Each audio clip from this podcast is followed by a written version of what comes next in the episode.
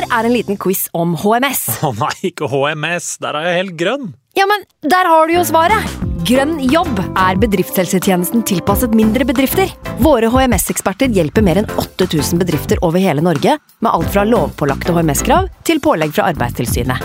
Få på plass bedriftshelsetjeneste på grønnjobb.no.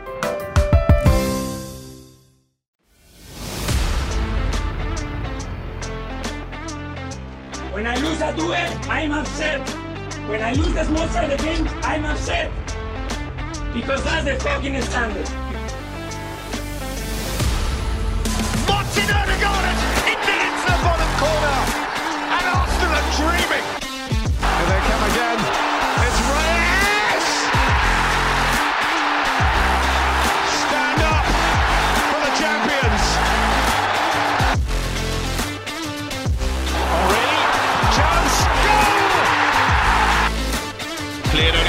As Nelson has to get his shot right.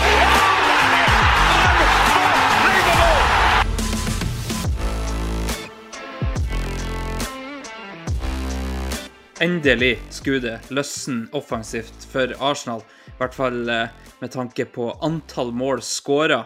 Vi skal så klart eh, se litt mer bak tallene på akkurat det i, i kveldens episode. Um, først og fremst velkommen skal dere være til en ny episode med Arsenal Station. um, I kveld ikke med alle tre i studio. Det har jo nesten blitt en vane. Jeg føler meg litt som skilsmissebarn som skal imellom uh, pappa Magnus og pappa Sivert. Uh, denne gangen er det pappa Magnus-uka. Uh, så det er jeg og Magnus Johansen som sitter i, i studio i kveld. Sivert han har rett og slett opp til ørene i skolearbeid, så han sitter og holder på med det. Det må vi vel kunne kalle i hvert fall tilnærma anbefalt å få gjort unna det, det skolearbeidet man har. Så eh, det blir oss gamleguttene Magnus, som skal blåse igjennom eh, når vi endelig da fikk eh, fikk et stort resultat, 5-0 mot Sheffield United. Det blir en koselig kveld der, Magnus. Ja, og så tror jeg vel, Andreas, at uh, min, uh, min erfaring som pappa og evner som pappa er noe over uh, Sivert sine, sjøl om han passer en lodott eller en katte fra Eller rasekatt, er det vel, fra Holmenkollen noen dager i uka. Så, så tror jeg nok at hvis, hvis det hadde vært spørsmålet, så, så tør jeg påstå at, at det er et bedre valg. At den bagen din bør stå hos meg litt oftere enn hos han. Men jeg må jo si at jeg hadde gleda meg til reisebrev fra Sevilla, da. Sivert er jo eh, poddens eh, frie fugl, eh, på sett og vis. Eh, han har ikke like mange forpliktelser på hjemmebane som oss. Og kan reise en tur til Sevilla i midtuka og se Arsenal borte i Champions League. Eh, og der er det en del historier som jeg har hørt bruddstykker av, som jeg gleder meg til å høre. Men det kommer da i neste episode, eh, når Sivert er tilbake.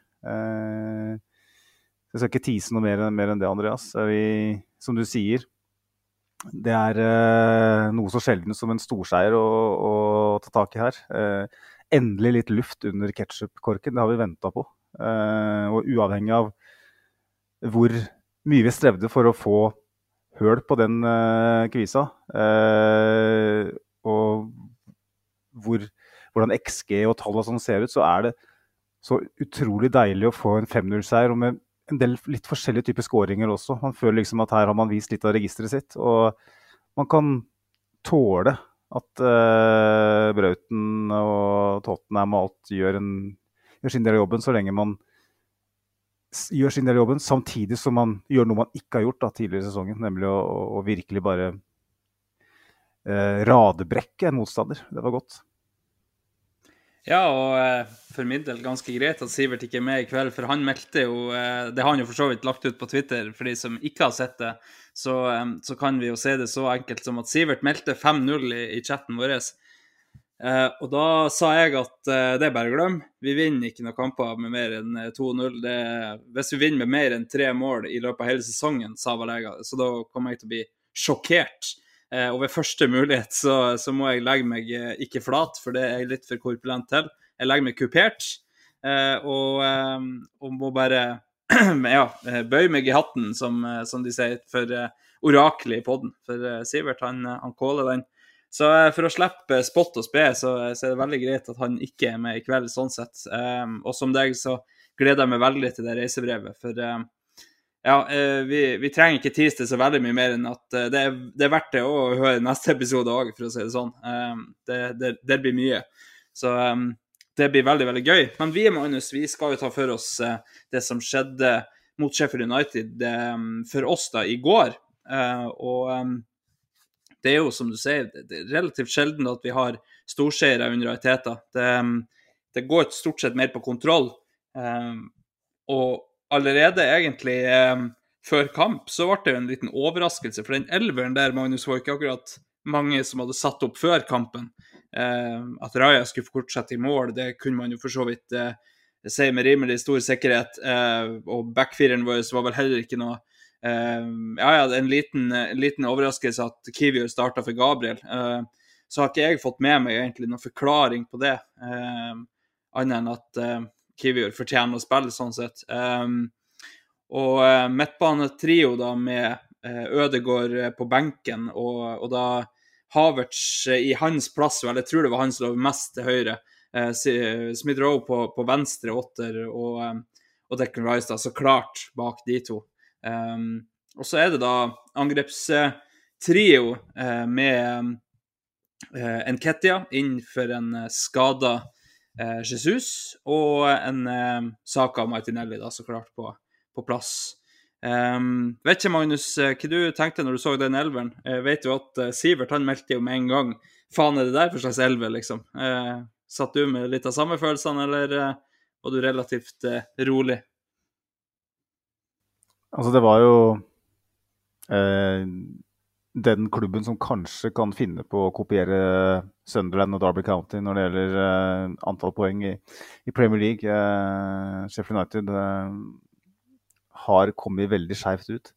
Samtidig så har de faktisk utfordra United. De har utfordra Tottenham så til de grader. De har utfordra City. Så man skal aldri være helt trygg, da, men jeg tenkte at er det én kamp man kan rokere litt, så, så er det den her. Og det her det er det vi, må se mer av fra Ariteta. Han må stole på, på stallen sin. Og jeg ser stadig flere tegn på at han gjør det. Han har, han har på mange måter besvart de spørsmålene vi stilte etter fjorårssesongen med tanke på å bruke stallen sin. Ikke bare fra start, men også underveis i kamper. Eh, han har i mye større grad bytta seg opp i løpet av kamper og våga å også bytte seg ned når, når det er snakk om å faktisk eh, Eh, skjerme noen av spillerne sine. Eh, minus Saka, da, som alltid spiller, spiller alt, nesten. Men eh, elveren var veldig overraskende for meg.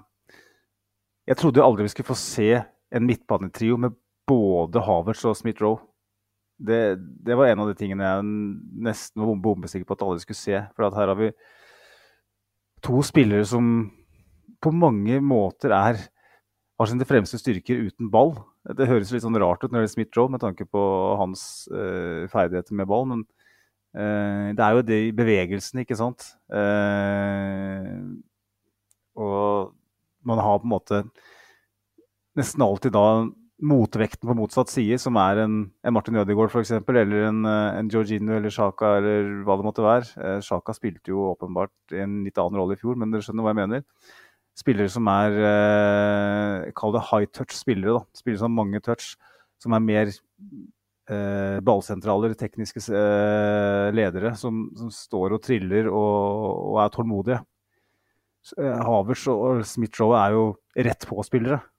Eh, og jeg tenkte med en gang at eh, her, her, prøver Realiteta å, å overrumple Sheffield United med å gå litt mer i strupen. her skal vi ikke stå og trille i 40 minutter. Her skal vi rett inn. Vi skal kombinere oss eh, gjennom så tidlig som mulig og få hørt på den byllen.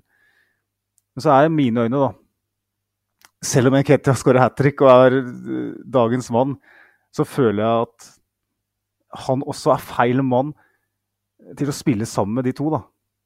Eh, og det er ikke for at han er en dårlig spiss eller en dårlig målskårer, for det er han åpenbart ikke. Men han er ikke Gabriel Jesus. Han er ikke eh, Nå banner jeg noens kirker. Han er ikke Lacassette, eh, som faktisk var veldig god akkurat i den fasen. Når det gjelder det å kombinere med de, de, de spillerne. Eh, Smith og Lacassette hadde en kjempegod link. eh, Man trenger den derre veggen, den leveggen, som Stivert liker å kalle det, eh, å spille, spille med. Det er ikke Nketia. Eh, så jeg så ikke helt, helt hva, hva, er tanken her. Og i tillegg Declan Rice som den dype, som er Han er ingen Thomas Party med ball. Han er ingen Georgini med ball. Han er et unikum og en uh, utrolig kjekk og fin mann. Men han er ikke Det er enda en spiller som Hvis, hvis du på en måte uh, skal sette henne og beskrive han som spiller, så er også han en som har, kanskje har sine beste uh, ferdigheter uten ball, da, på, et, på, en måte. Så man mangla egentlig en sånn klassisk spansk ballsentral på midten. Man har med ingen. Så det var interessant, men så har man Zinchenko, da. Og nå, nå, skal jeg snakke lenge, det beklager jeg, Andreas, for jeg var ikke med sist. Jeg har ekstremt mye på hjertet. For nå har, denne uka her så har det vært veldig mye sånn Etter, etter Sevilla snakk om at ja, nå er, nå er Zinchenko må fases ut. Han er ikke god nok eh, defensivt. Så er det jo paradoksalt nok ikke fra venstresida vi slapp inn mot uh, Chelsea. Det var ikke på venstresida vi hadde problemer mot Chelsea. Det var høyresida vår som glapp mot Chelsea med de lange ballene opp på Mudrik, uh, hvor vi ikke var tett nok oppi. Uh, og, men Zinchenko gjorde noe feil, ja, for all del. Men å argumentere for at han ikke skal starte hjemme mot Sheffield United, den er jeg så langt unna å være med på så det er mulig å være. Selvfølgelig skal han starte der.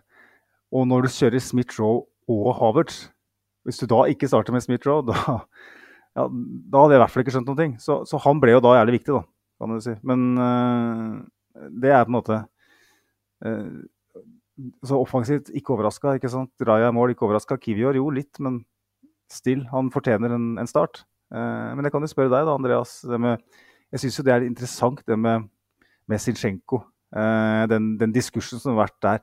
Er du enig med meg at han har fått altfor mye pepper den siste tida? Ja, egentlig. Han eh, Ja, han har noen tabber vi husker mot Liverpool eh, i fjor, vel. Eh, der han ble eh, nøttmega, og, og, det ser veldig stygt ut der og da og i det hele tatt. Eh, så vet vi at, eh, at vi er sårbare på den sida. Ikke, ikke alltid fordi at han er svak defensiv, men heller fordi at han er såpass offensiv. Og da vil det være mer rom på den sida, rett og slett. Og så er ikke hans største styrke defensivt heller. Eh, hans største verdi ser vi i denne kampen. her. Han spiller jo som en tier i, i, i den kampen. Han går jo inn sentralt og står jo, eh, står jo til tider lenger fram enn både Havertz og, og Smith-Roe. Så eh, det er jo ikke tvil om hans verdi i et sånt lag, og spesielt som du påpekte, når han eh, spiller i lag med spillere som kanskje ikke er de beste til, til sånn eh, ikke bare det der kombinasjonsspillet, men det der å bearbeide motstandere. Vi vet når vi får ei blokk imot oss, så må det bearbeides. Det må flyttes ball veldig mye. Og så må du være, være keen nok til å, til å se den ja, millimeteren du kan slå på når, når ting på en måte åpner seg bitte, bitte litt. Eh, og så er Sheffield United eh, Premier Leagues dårligste forsvar, så, så den millimeteren blir en meter eh, istedenfor. Men, men i sånne kamper der du vet at du skal stå stang, så er det no-brainer at Zinchenko skal starte. Eh, eh, I hvert fall med tanke på eh, den relativt begrensa kontringsstyrken som Sheffield United viste i den kampen, i hvert fall. Um, og når Zinchenko da har en sånn kamp som det her, med Han er jo en av de som har flest toucher, regner jeg med. Han er, han er en av de som, som er mest involvert. og um, og en av de som styrer pasningsspillet vårt på midten. For uh, gudene skal vite at det er jo ikke de to som, som starta som åttere. Um, Havertz veldig usynlig, og Smith-Roe prøver, men, men uh, som vi var inne på før innspillingen, Magnus, det, det er ett og et halvt år siden han starta sist. Uh, og han har ikke spilt mye med, med, så veldig mange ut av de han har um, rundt seg. Uh, Zinchenko har vel Han var bare vært der en sesong, så når Smith-Rowe da ikke spilte noe særlig i fjor, så har han ikke spilt noe særlig i lag med han. Han har ikke spilt i lag med Havertz.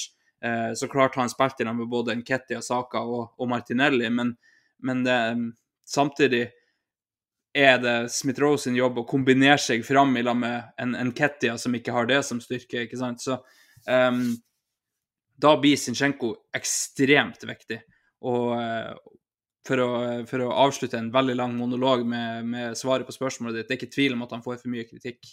Uh, ja, kanskje imot de beste lagene med med vinger som Stirling sant, i, i Chelsea, eller Mudrik uh, med, med Sala, eller sånne typer, så, så må vi gå til Tomiyasu i stedet, f.eks., eller Timber, som, som etter hvert kommer tilbake.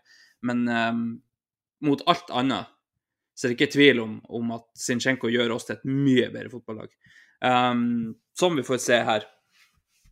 Um, skal vi kjøre i gang med litt om kampen, da, Magnus? Um, vi, uh, vi, får jo ikke noe sånn kjempestor overraskelse med tanke på kampbildet. Det er jo akkurat det vi forventer å se. Uh, veldig mye ball, uh, veldig mye flytting av ball hit og dit. og så skal etter hvert Nketia vise at han fortjente den sjansen han fikk. Um, og det er han som får 1-0. Um, nå har uh, målene klussa seg ganske mye i hodet mitt, så jeg husker ikke hvilken rett av de som er 1-0, Magnus, men det husker garantert du. Ja, uh, det gjør jeg. Uh, jeg satt jo her i, i kjellerstua og så den eh, Jeg vet at du måtte se litt i reprise og sånn. Men det var jo bare, bare for å ta foranledningen eh, Ikke foranledningen, men det som skjedde før det, så er det jo manglende tempo, eh, manglende relasjoner offensivt. Kanskje rett og slett mangel. Og som, nå har Ødegaard vært svak i det siste, men de mangla noen som kunne holde ballen høyt og resirkulere ballen litt, uh, litt høyere. Eh, og følte at liksom uh, Det var veldig så stor sjanse for at Sheffield United skulle skåre på en kontring, nesten. Som at vi skulle klare å få hull på bilen. Uh, trengte noe litt sånn Eh, påtvunget eh, action fra, fra, noen. Vi trengte at noen bare tok ansvar. Eh, og det gjorde Declan Rice, i mine øyne. så seg lei. Og det, er, det er, og det er noe av det som er mest underslakka med Declan Rice òg. Det der med um, å ta det ansvaret offensivt når vi, vi stanger. Jeg syns f.eks. den Palace-kampen når vi vant borte, uh, så var han helt utrolig eh, toneangivende når vi etter hvert klarte å få overtak i den kampen. For han gikk på de dype løpene. Og jeg syns vi ser litt av det samme eh, mot, mot um, Sheffield United òg. Han, altså, han, han, er så leder uh, at, at, han får samtlige Arsenal-spillere til å se ut som smågutter av og til. Han, det er den største lederen vi har, uten tvil. Den største lederen vi har hatt på gud vet hvor lenge. Uh, og han bare Nei, vet du hva? Nå pælmer den ballen inn til uh, Chelsea-kompisen min, uh, Nketia. Uh, og så er jo ikke den ferdigskåra i det hele tatt. Den touchen Nketia tar først der, med innsida, uh, den er det høy klasse over. Og der viser han boksferdighetene sine, og der viser han hvilken rev han er. da. Der viser han hvem han er. Det er det her Nketia er. Han, prøver, han forsøker ofte å være noe annet. Og det er kanskje der vi som supportere går litt i fella av og til og, mener han bør være noe mer enn det han er. Han, han, han er det, dette er jo det Nketia, da. Eh, det han gjør i den situasjonen der. Uh, og når han først får den touchen, og så bare setter han sikkert under uh, Fodderingham. Og da, og da, er jo på en måte jobben gjort, på et sett og vis, mot Sheffield United. ikke sant? Man må bare få det første. Uh, men det viser seg etter hvert at det, og det med rette, vil jeg si. Fra, fra et Sheffield United-perspektiv så, så, betyr ikke det at de bare da kaster kjøkkenvasken på det, som man sier i England. Da fortsetter de egentlig med samme gameplan, som i mine øyne har funka ganske godt. Uh, dette er Premier Leagues mest porøse forsvar, hvis du ser på statistikken. Uh, klart, Ni mål uh, mot Newcastle gjør at den statistikken kanskje er litt grann Jeg tror ikke Sheffield United er det dårligste forsvaret i Premier League. Uh, og Det syns jeg de viste i den kampen her, uh, selv om de tapper 5-0. det er bare at de er ikke et godt fotballag sånn totalt sett. og Da, da blir det sånn. Uh, men Forsvaret altså, De kommer og er kompakte og, og holder et veldig godt lag unna i hva er det, 30-35 minutter eller noe sånt. Jeg husker ikke helt når målet kom. jo, noe sånt, ja. I de første 20 hadde vi vel ett skudd på mål. Yes. Så, så det, det, er veldig mye sant i det. Og, og de står med en femmer bak der og, og tetter veldig godt. Eh, jeg syns jo det, det, Noe av det beste med det målet der er jo eh, når du får det ifra eh, perspektivet til keeperen omtrent, da. Eh, når Austin Trusty kommer inn og skal ta han, og så ser han at det her rekker ikke, og så ser du hele mannen bare åh, gir opp. Eh, og bare står og ser på at en har trilla den i, i nettet. Uh, som du sier, den første touchen der er sinnssyk. Uh, og, og, like sykt å være iskald nok til å, å bare breise i den i mål når du har snudd der. Mange hadde nok bare rappa til. Det hadde nok sikkert vært mål da òg, men, men uh, det er kaldt å, å, gjøre det på den måten. Og um, som sagt, hvis dere ikke har sett det, så gå inn og se det målet en gang til, og se på Austin Trusty der. Kommer tilbake til, til Arsenal og ja, får, får, litt juling på sjøltilliten, rett og slett. Og i hvert fall i den situasjonen der, for du ser det i, i det splittsekundet før en Ketty har skyter, så ser du at Austin Trusty han vet hva som skjer her og han, han, er ferdig med den situasjonen. Han vil bare videre. Eh, så veldig, veldig gøy. Um, og så Da har vi jo fått hørt på det, som du sier, Magnus. Det begynner å, å, å løsne litt. Vi begynner etter hvert å bli ganske leken. Og, og det, det, er litt godt å se da, på en måte at, at, at vi kan på en måte uten de her største navnene våre nødvendigvis. Vi har ikke Jesus på topp, vi har ikke Ødegård på midten, som vi har trodd har vært helt vital for alt vi har drevet med. Eh, og, um, og, vi ser at Saka er i hvert fall frisk i, i denne kampen her. Vi ser at Martinelli er fyra. Eh, vi ser at eh, Smith-Roe prøver. Vi ser at Nketia er, er i, i, kjempeform. Og så syns jeg òg vi, vi, må nevne at Raja har Eh, en bra, veldig bra kamp. Um, han får jo ikke veldig mye å gjøre defensivt, så klart, uh, men uh, gjør det han skal veldig bra. Ute og plukker noen innlegg uh, og har et par sinnssyke igangsettinger til Martinelli som er veldig, veldig fin. Og, og, det syns jeg på en måte Nå har vi saga han såpass mye at nå fortjener han litt skryt òg, for, for, det er på en måte litt sånn at skal man ta det, det, dårlige, så må man ta det bra òg. Og, og, det skal han ha. Så uh, Raja han hadde en, en kjempekamp.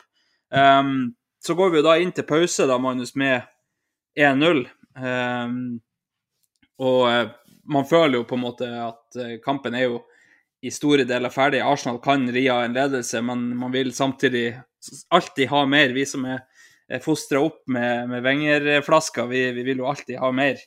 Eh, og Så kommer vi ut i andre omgang, og så, så fortsetter vi egentlig. Det tar bare fem minutter før en Kettia får enda et sånt poacher-mål, der han står på fullstendig 100% rett plass og, og, ser at ballen detter ned der etter, etter en corner, og, og, og bare curler den opp i nettaket. Uh, da er det to, og Sheffield United ser relativt ferdig ut sånn, sånn uh, spiritmessig.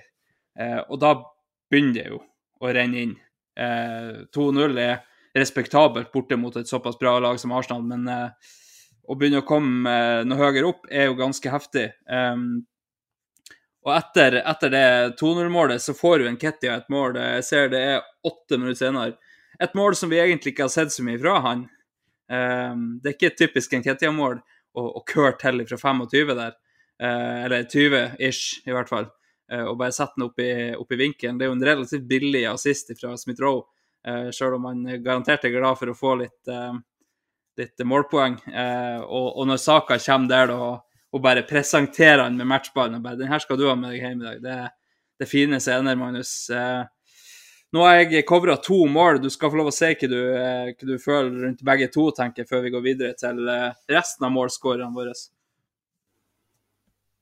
Det var jo det, det, andre målet har du dekka fint. Det er ikke så mye mer å si om det enn at det er en, uh, igjen en Eddie Nketa med dårlig tid i boksen, som, som, viser hva han har trent på hele livet. Uh, kjempefin avslutning. Og så tredje målet er jo det. Det er jo kremen på kaka. Det er uh, rosen på, på toppen. og det er Altså, dette, dette, har vi ikke sett fra Nketia. det gikk vel noen statistikker rundt på Twitter i går om eh, at det er desidert eh, lengste Haaland har skåra fra for Arsenal. Eh, og, og, så er det så briljant. Fordi at han er åpenbart så jævlig godt orientert i det øyeblikket han mottar ball der. Eh, fra, fra Smith-Roe. Eh, og måten han bare vender opp og nesten blindt bare setter den tilbake i, i nærmeste kryss. Eh, når åpenbart Fodringham er på, litt på feil fot. Alle keepere eh, så å si vært litt på feil fot der. Eh, det er ingen som forventer den feilvendt spiss tilbake der. Mindre det er eh, en av de virkelig, virkelig store navnene. Så jeg tenker at når man ser Edin Ketia vende opp der, så, så forventer man virkelig ikke det, den børsa. For det var, eh, det var vakkert, altså, rett og slett. Og, og det, at det får lov til å være det tredje målet Det er litt sånn som når Berkham skåret hat trick mot Leicester i, i 97. Eh, to, altså bare for å nevne det. Eh, det var en eh, Det var vel sånn at eh, BBC skulle kåre de tre fineste målene fra runden. Og Berkamp hadde både nummer én, to og tre. Men det tredje målet var årets mål i Premier League det året. Og som de, som, de, fleste husker det sikkert den lange ballen fra David Platt som han tar ned på én touch og over Elliot osv. osv. Uh, men det, det, at, det at et, et hat trick blir så mye bedre når det tredje målet er det fineste.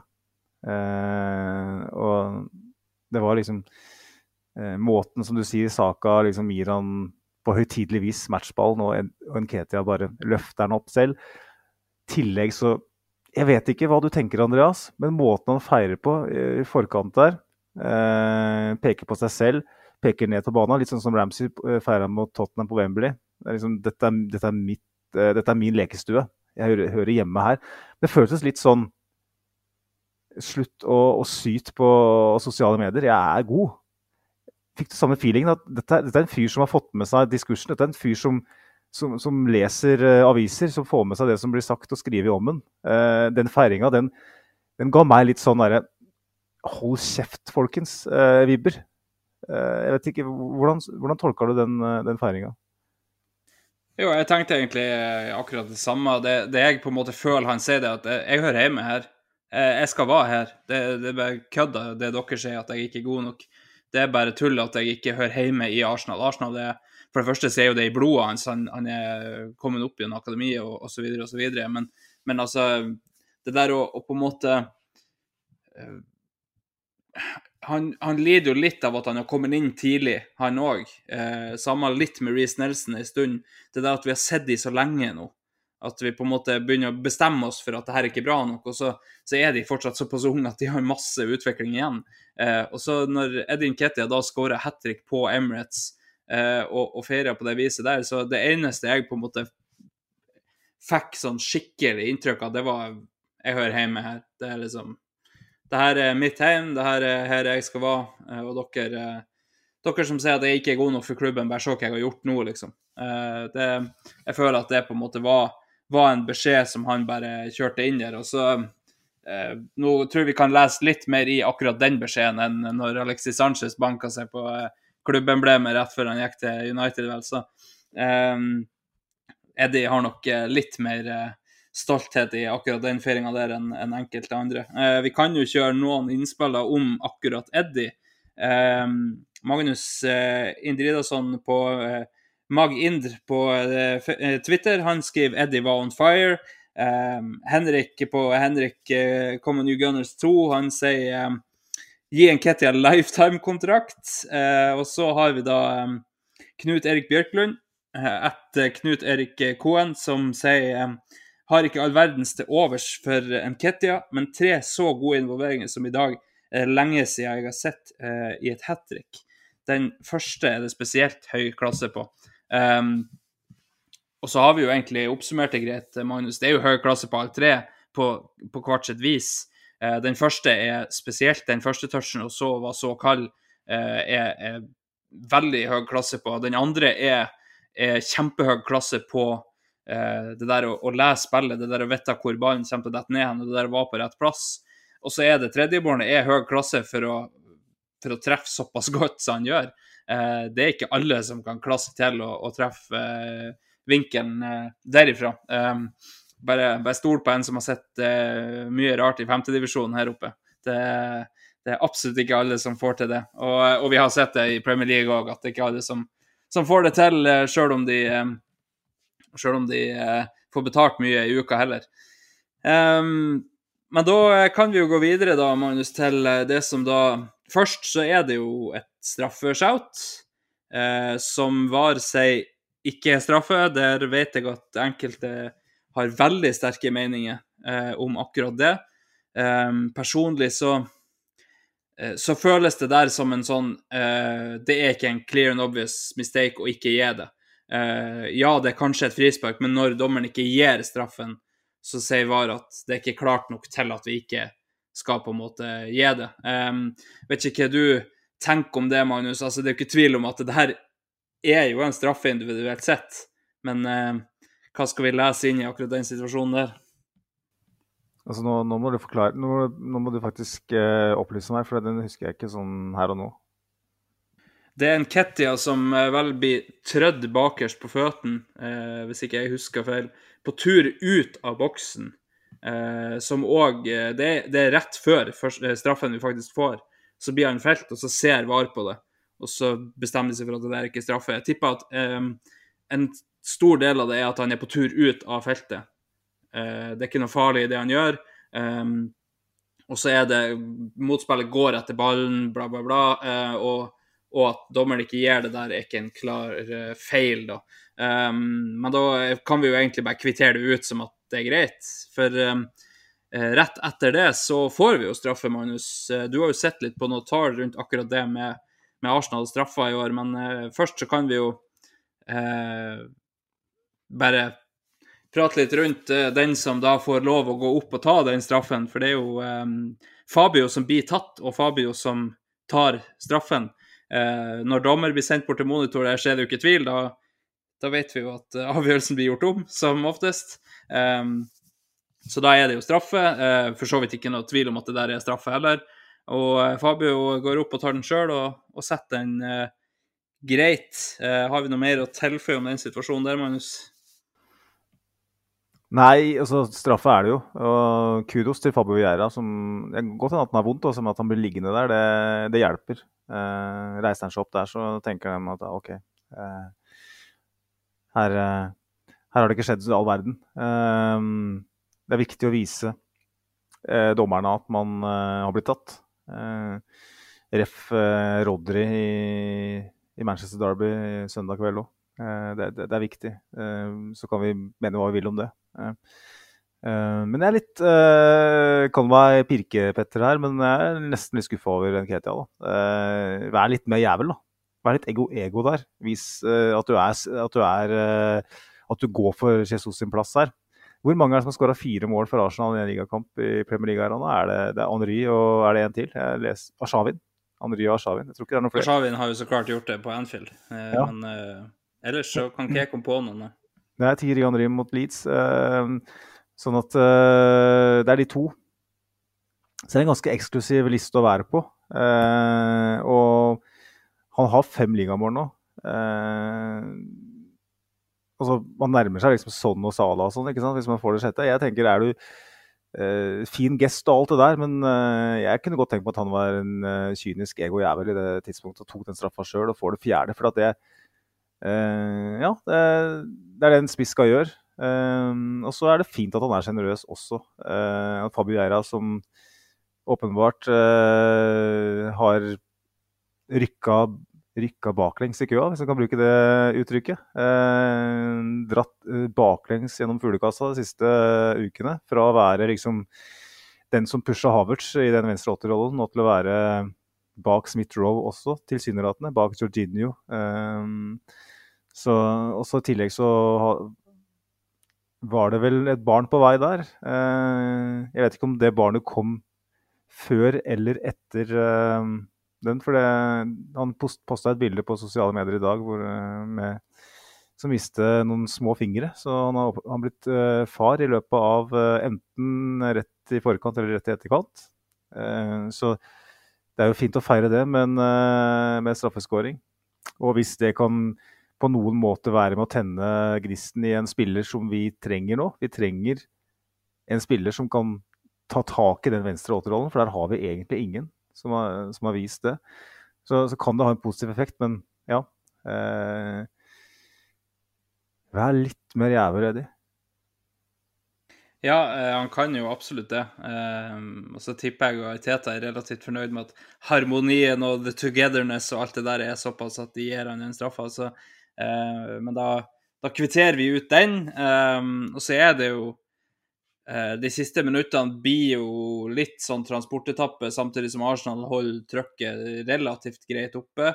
det er jo på en måte Altså, kampen er jo ferdigspilt på 4-0. Eh, kampen er ferdigspilt på 1-0 og 2-0 og 3-0 òg, men 4-0, da er du på en måte ordentlig finito. Eh, men, eh, men, guttene hadde ett mål til i seg, og, eh, og, det var en som jeg var, jeg var brennsikker på at han må ha skåra et mål. Man føler som at han har vært så mye involvert framme der. Eh, men eh, det er Tomiyasu som går fram og, og, får sitt første for klubben, da, som er veldig gledelig, spesielt med tanke på de fantastiske prestasjonene han har hatt i det siste. Eh, det er, ikke, det er ikke for ingenting at eh, folk begynner å prate om at Zinchenko skal ut. Eh, det er ikke fordi at Zinchenko er så helsikes dårlig, nødvendigvis. Det er fordi at Tomiyasu har vært veldig, veldig bra. Eh, har jo òg funnet sin beste rolle, syns jeg, i venstrebacken. Nå kommer han riktignok på som høyreback i den kampen her, da, og får mål, så kanskje vi skal fortsette å spille han der, men, men har vært fantastisk nå i i, eh, i venstrebackerollen han har, kommet på, der han er så sikker med ball i bein og, og, og, er så god i kombinasjonsspillet. Kan gjøre eh, den beste imitasjonen av Zinchenko med de vi har tilgjengelig. da Vi vet jo at Timber var veldig veldig god, men, men med de vi har tilgjengelig, så er det ikke noe tvil om at Tomiyasu er det nærmeste vi har. Um, så vet jeg at vi fikk et, uh, et innspill om Tomiyasu. Uh, så skal vi se kjapt om vi finner det. Jeg, jeg, har det. Jeg har det. Ja, men kjør det, du, da. Eh, Fredrik Oppegård på Twitter uh, skriver gir litt hype for at Tomiyasu endelig fikk mål, da. Eh, det, det, det, fortjener absolutt en hype, Andreas. og um, deler dine tanker rundt Tomiyasu definitivt. en veldig fin type som jeg føler han er litt sånn den snille Lorraine, hvis jeg kan bruke en historisk referanse. Eh, den du helst ønsker å ha med deg i krigen. Det er Tommy Tomiyasu. Jeg skal ikke dra altfor mye paralleller til Pearl Harbor og andre verdenskrig, men det er jo noe med de der kamikaze-pilotene. Og det blikket til Tommy Tomiyasu én mot én defensivt Dette er en fyr som er så påskrudd som det er mulig å bli. Uh, han er uh, helt, helt ekstremt god én mot én. det er nesten ikke til å tro. Han er vår beste forsvarer én mot én defensivt. Den beste sida kanskje Bakari Sagna. Eh, det er også, som jeg vel sa for noen uker siden, eh, jeg, jeg, digger hvor ambisiøs han er. Eh, han har vel en av våre første skudd i den kampen her. Eh, det er litt sånn Skal man være kritisk, så tenker du at kanskje ikke du skal skyte her. Eh, nå trenger vi høre på, den, høre på den bilen her. Eh, kanskje en som har scora mer enn null mål på 49 kamper, skal, skal prøve seg. Eh, men han, er, han, går på de lø, sugende løpene. Jeg husker det mot City. Eh, han prøver på avanserte ting, da, og jeg tror det er nøkkelen til at han kan være et Zinchenko-alternativ. Fordi Zinchenko er jo åpenbart eh, naturlig i den rollen. Eh, trenger ikke å Han har jo spilt offensivt tidligere i karrieren og spiller offensivt for Ukraina. Eh, Tomiyasu han har ikke spilt, uh, så vidt meg bekjent iallfall, noe, noe offensiv rolle. Han har vært en forsvarsspiller først, først og fremst, men for å, for å kunne være et alternativ i en rolle hvor, hvor han åpenbart ser at her er det muligheter. Her har vi en skadeutsatt spiller som er relativt svak defensivt, uh, i perioder iallfall og man har Jurien Timber ute, hva kan jeg gjøre for å, å, vise at jeg er den første man setter på? For Kivior var jo òg et alternativ der. Han spilte jo flere kamper i den rollen eh, i forrige sesong. Men Tommy Yasu har bare Hva han har gjort sånn individuelt sett, det vet ikke jeg, men det virker for meg som han bare har bestemt seg for at jeg skal vise at jeg er eh, ambisiøs nok og god nok med ball, god nok offensivt, til å, å spille den rollen. Og jeg, jeg syns det er så fint. Jeg synes, uh, Det er en av de største feelgood-storyene den sesongen her, syns jeg. En sesong som har vært litt sånn På mange måter litt kjedelig, fordi at bakteppet er forrige sesong. Som var, bare var gøy. Hvor det var eh, Hvor vi skårte i løpet av det første kvarteret omtrent i hver kamp, og det var bare full pupp. ikke sant? Emily sto på beina, og det var Vi trengte ikke å stå og trille, det var bare rett på. Sesongen her har vært litt mer sånn ta og føle på. Eh, litt mer frustrasjon, litt større forventninger, som gjør at vi har en høyere list for å bli tilfredsstilt. og vi trenger noen sånne feel good stories, da. og Tommy også er kanskje den største så langt, syns jeg. Altså, det, det er så utrolig gøy å se en spiller være så dedikert og, og, gjøre så mye for å få lov til å være med å leke på banen. Og en hype, som Fredrik skriver, det, det er berettiget. Jeg syns vi skal hylle Tommy Tomiyasu. For det, dette her trenger vi, og dette trenger uh, stallen, dette trenger supporterne. Ja, og så kan du òg eh, Det her er jo en spiller som hadde en kjempetabbe mot City i fjor, ikke sant? Eh, som har hatt noen sånne øyeblikk eh, som kun på en måte har ødelagt litt for han eh, sjøltillitsmessig. Men altså, det er noe eget med den her gutten der. Altså, han eh, det, det, det, er ikke tvil om at han ønsker å spille hvert bidige sekund utpå der. Han ønsker å gjøre det beste han kan i hver bidige situasjon for å på en måte hjelpe eh, laget. Vi har andre som, som hviler seg litt nå og da. Vi har noen som ja, direkte gjemmer seg ute på banen. Um, og så har vi Tomiyasu, som uh, som du sier mot City, så er han plutselig spiss nummer to, som fører til at vi får et mål. Uh, og å ha da hoppa over i en venstreback-rolle og en offensiv venstreback-rolle som, som han egentlig sånn uh, rent teoretisk kan ha jo ikke noe vi kunne ikke ha noen forventning om at han skulle løse den så godt som han har gjort, for han har aldri gjort det før. Vi vet hvor god han er med ball i bein, for det så vi på høyresida eh, når han spilte der. Han var jo en revolusjon for oss når han kom inn der. Eh, og, og, har på en måte fortsatt å ta steg, og nå gjør han det enda bedre igjen på venstresida. Eh, og, og, ja, rett og slett bare full av lovord om, om Tomiyasu. Han er, han er så sinnssykt eh, god. og og laga så lite kvalme. altså En så god spiller som det der kunne ha blitt forbanna for at han starta på benk kamp etter kamp etter kamp. Uh, det ser vi i andre klubber at det er litt uh, rot. Um, men Tomiyasu han, han, tar den spilletida han får, og så, og så, jobber han alltid for å få mer. Og, og, det beste du på en måte du kan få i, i, en sånn type spiller, er jo en spiller som viser deg på banen hvorfor han ikke skal sitte på benk. Eh, jeg husker jeg sa det etter en Europa League-kamp eh, for et par sesonger siden, at eh, det var to spillere utpå der. Det var vel David Louise annet, som var De var så lite interessert i å spille Europa League, og det viste de med å være så mye bedre enn alle andre utpå der. For de viste at de hørte hjemme på et høyere nivå. Og så resten der viste på en måte at jeg, jeg er egentlig for bra for det her, så jeg gidder ikke. Eh, og jeg føler som at Tomiyasu han gjør alt han kan for å være den typen der, da. Eh, han viser rett og slett med alt han gjør, at, eh, at egentlig skulle jeg ha vært i, i startelveren, men eh, det, det, gjør ikke noe. Når jeg kommer innpå, så skal jeg uansett være god nok. og ja, rett og slett en fantastisk kar å ha i stallen. Når han i tillegg kan bekle både én og to og tre roller i, i stallen, som vi kanskje kommer til å trenge etter hvert, det vet vi ikke, så, så er det en fantastisk type å ha i, i stallen der, Eh, uten tvil.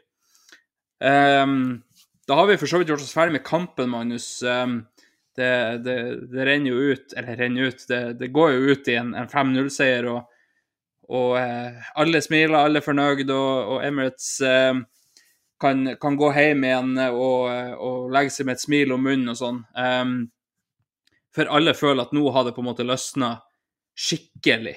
Uh, og så er det sånn at vi, vi må plukke litt på det, for um, du har jo henta noen tall da, Magnus, som sier at vi, vi, er ikke egentlig så mye bedre i denne kampen enn det vi har vært sånn snittvis med tanke på skudd. Uh, XG-messig så skaper vi jo ikke egentlig det vi skårer. Eh, så da kan jeg gi ordet til deg eh, med, med noen tall og, og, litt sammenligning rundt eh, hvordan det faktisk eh, Ja, hvordan det fortoner seg i denne kampen her eh, bak 5-0, med tanke på hva vi rett og slett skaper.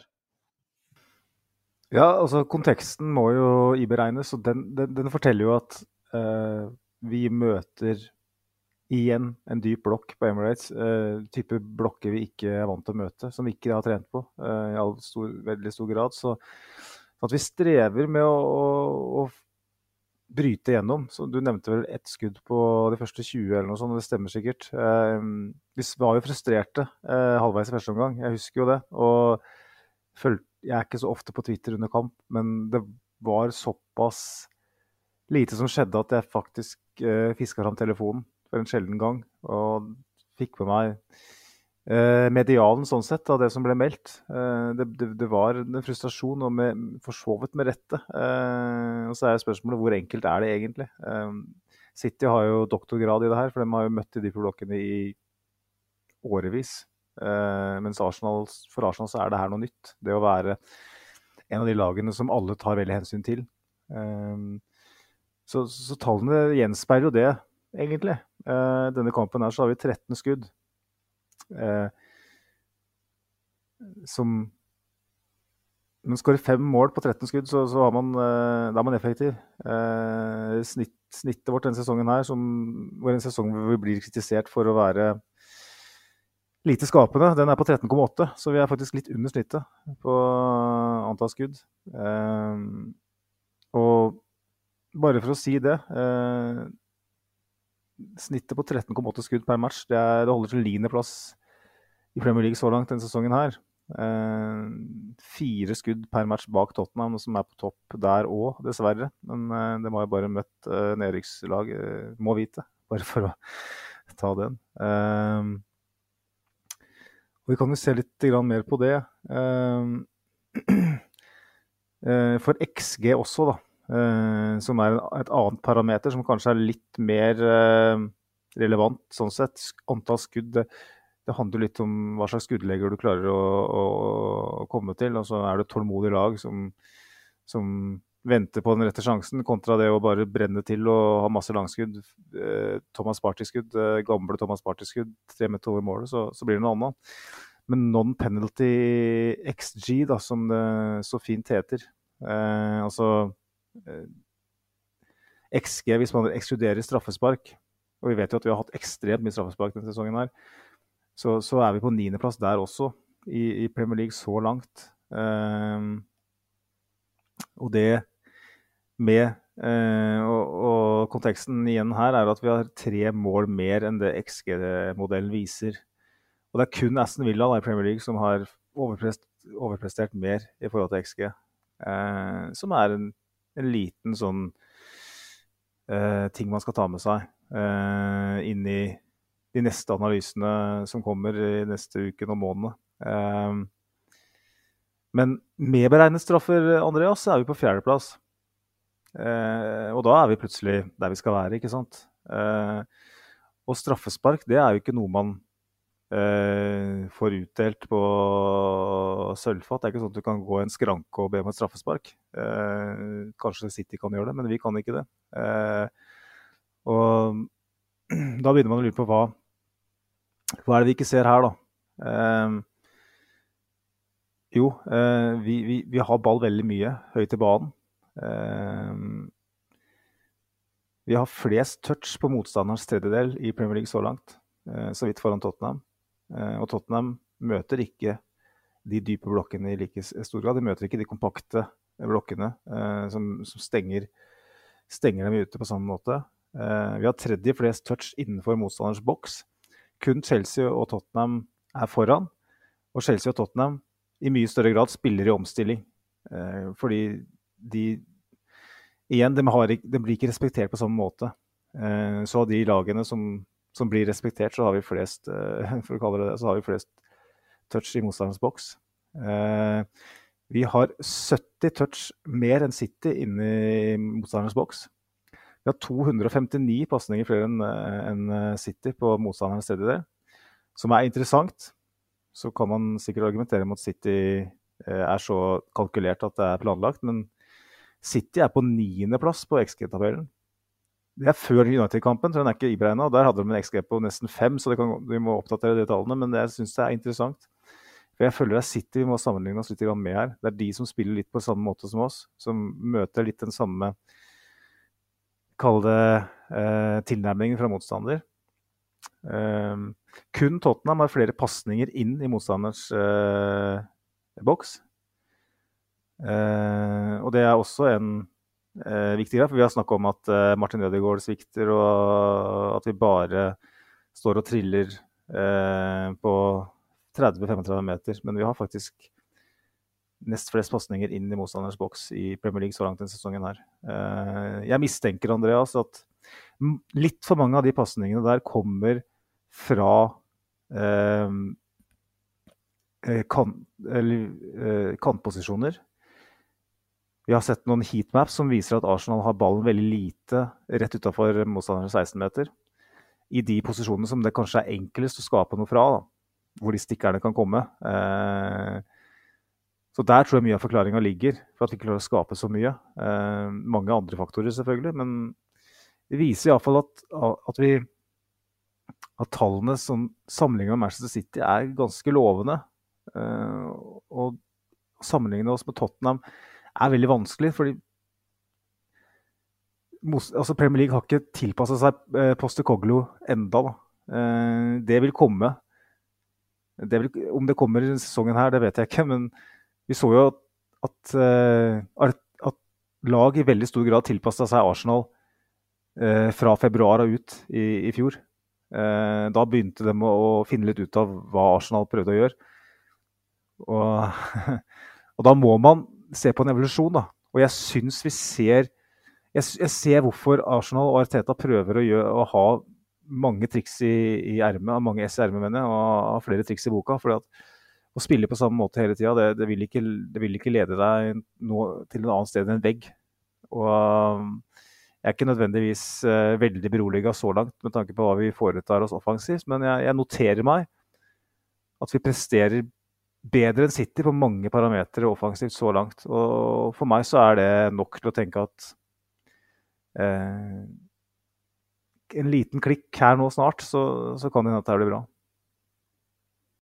Ja, og, og, når vi vet samtidig at, um, at stort sett de som vinner ligaen, de, de blir bedre og bedre utover sesongen, uh, så kan vi om, ha et håp om at det er det vi holder på med. At vi ikke har løsna helt, at, at, det kommer mer.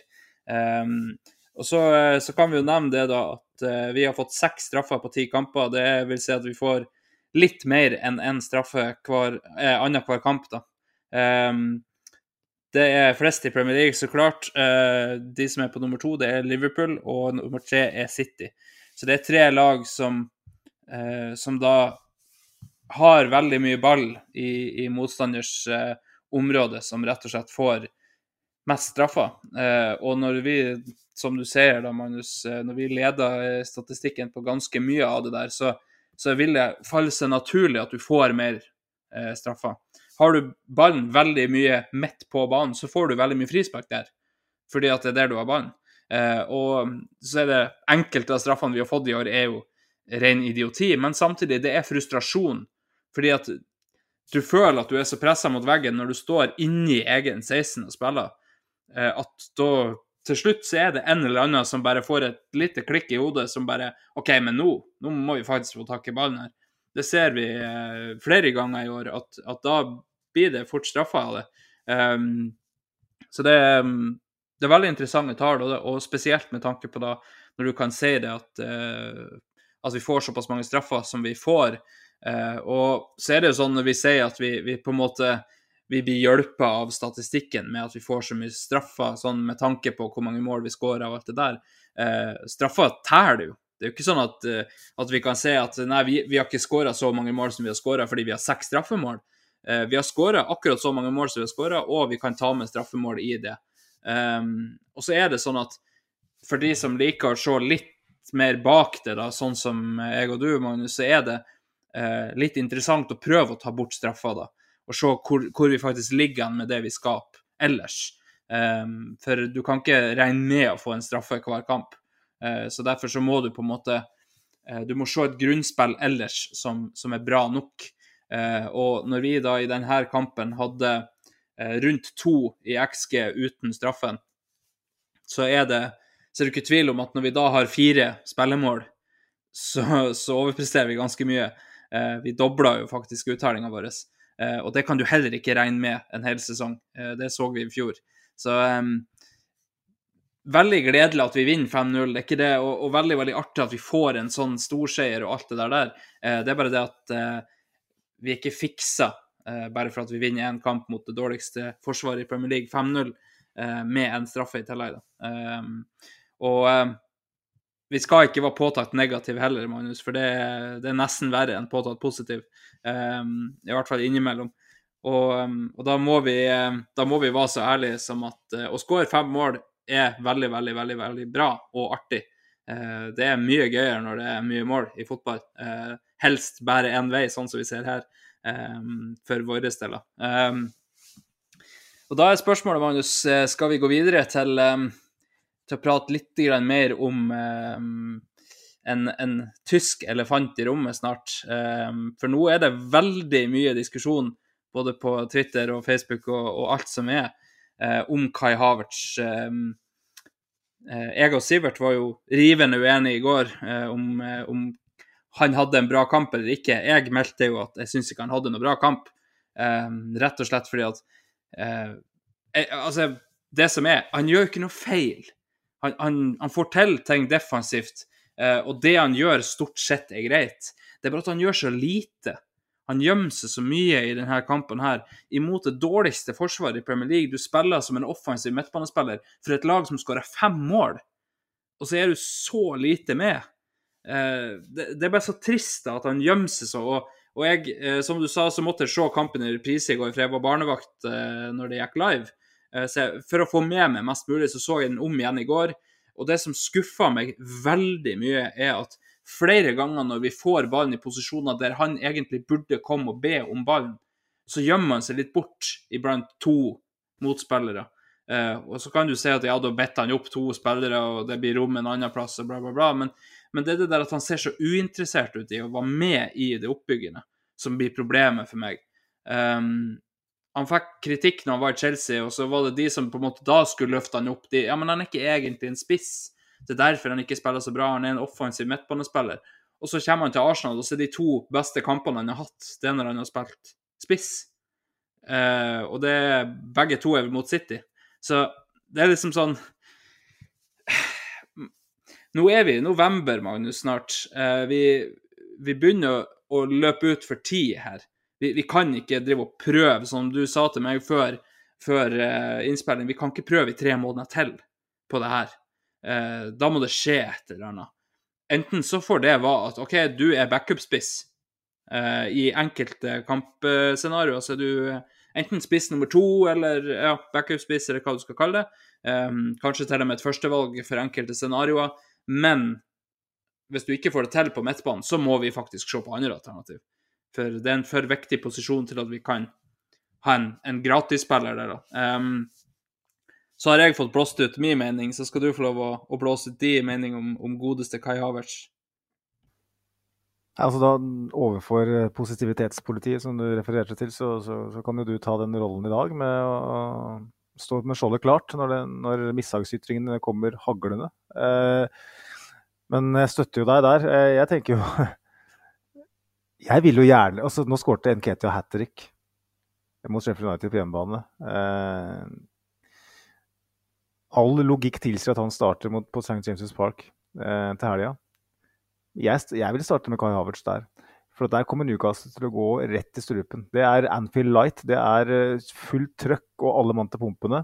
Du kommer til å bli trøkka tilbake. De første 10-15 minuttene kommer til å bli et helvete. Så må man ri av det, sånn som vi gjorde i fjor, med en god dæsj flaks definitivt.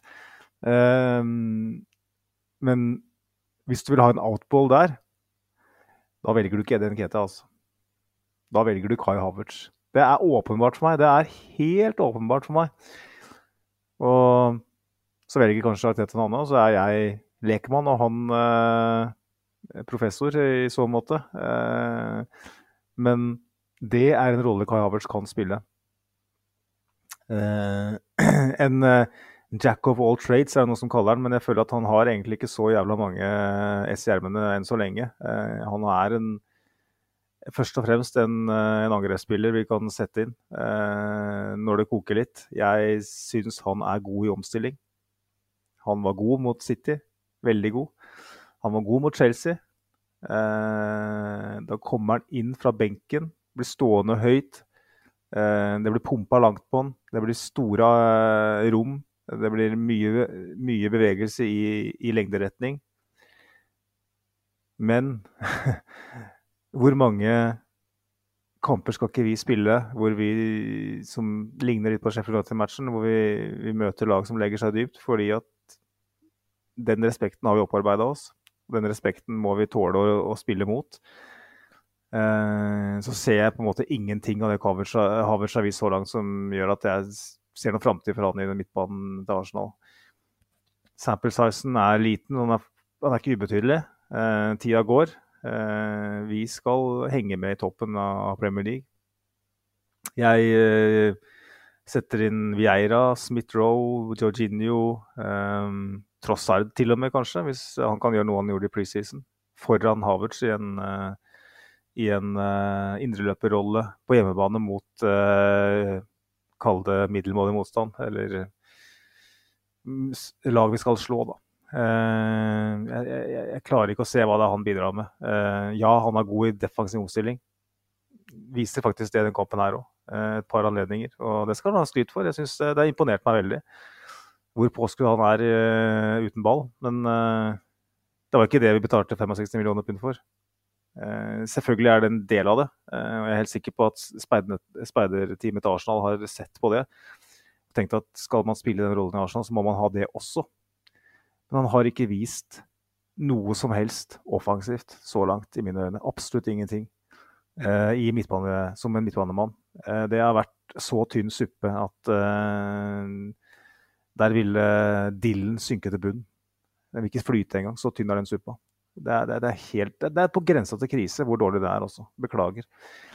Eh, han er kjempegod i omstilling. Er det hans rolle i Arsenal?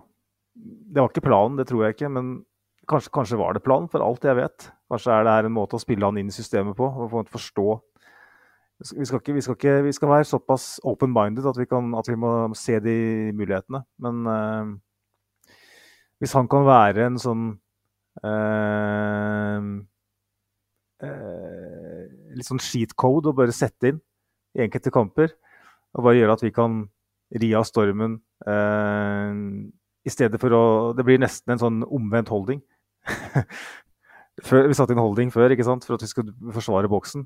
Nå setter vi en haver sånn at vi kan pumpe langt, sånn at han kan eh, ta ned flikken videre. Sånn at vi kan holde ballen høyt. Uh, Rob Holding kosta var det 4 millioner pund. Uh, Havers kosta 65. Men uh, vi ikke, trenger ikke å snakke mer om tallene sånn sett. Men eh, jeg, jeg, håper at han kan uh, ta den rollen, for jeg syns han er veldig god i, i de fasene. Men jeg syns han er altså så uinspirerende og så slapp i den med, altså i possession i midtbanen at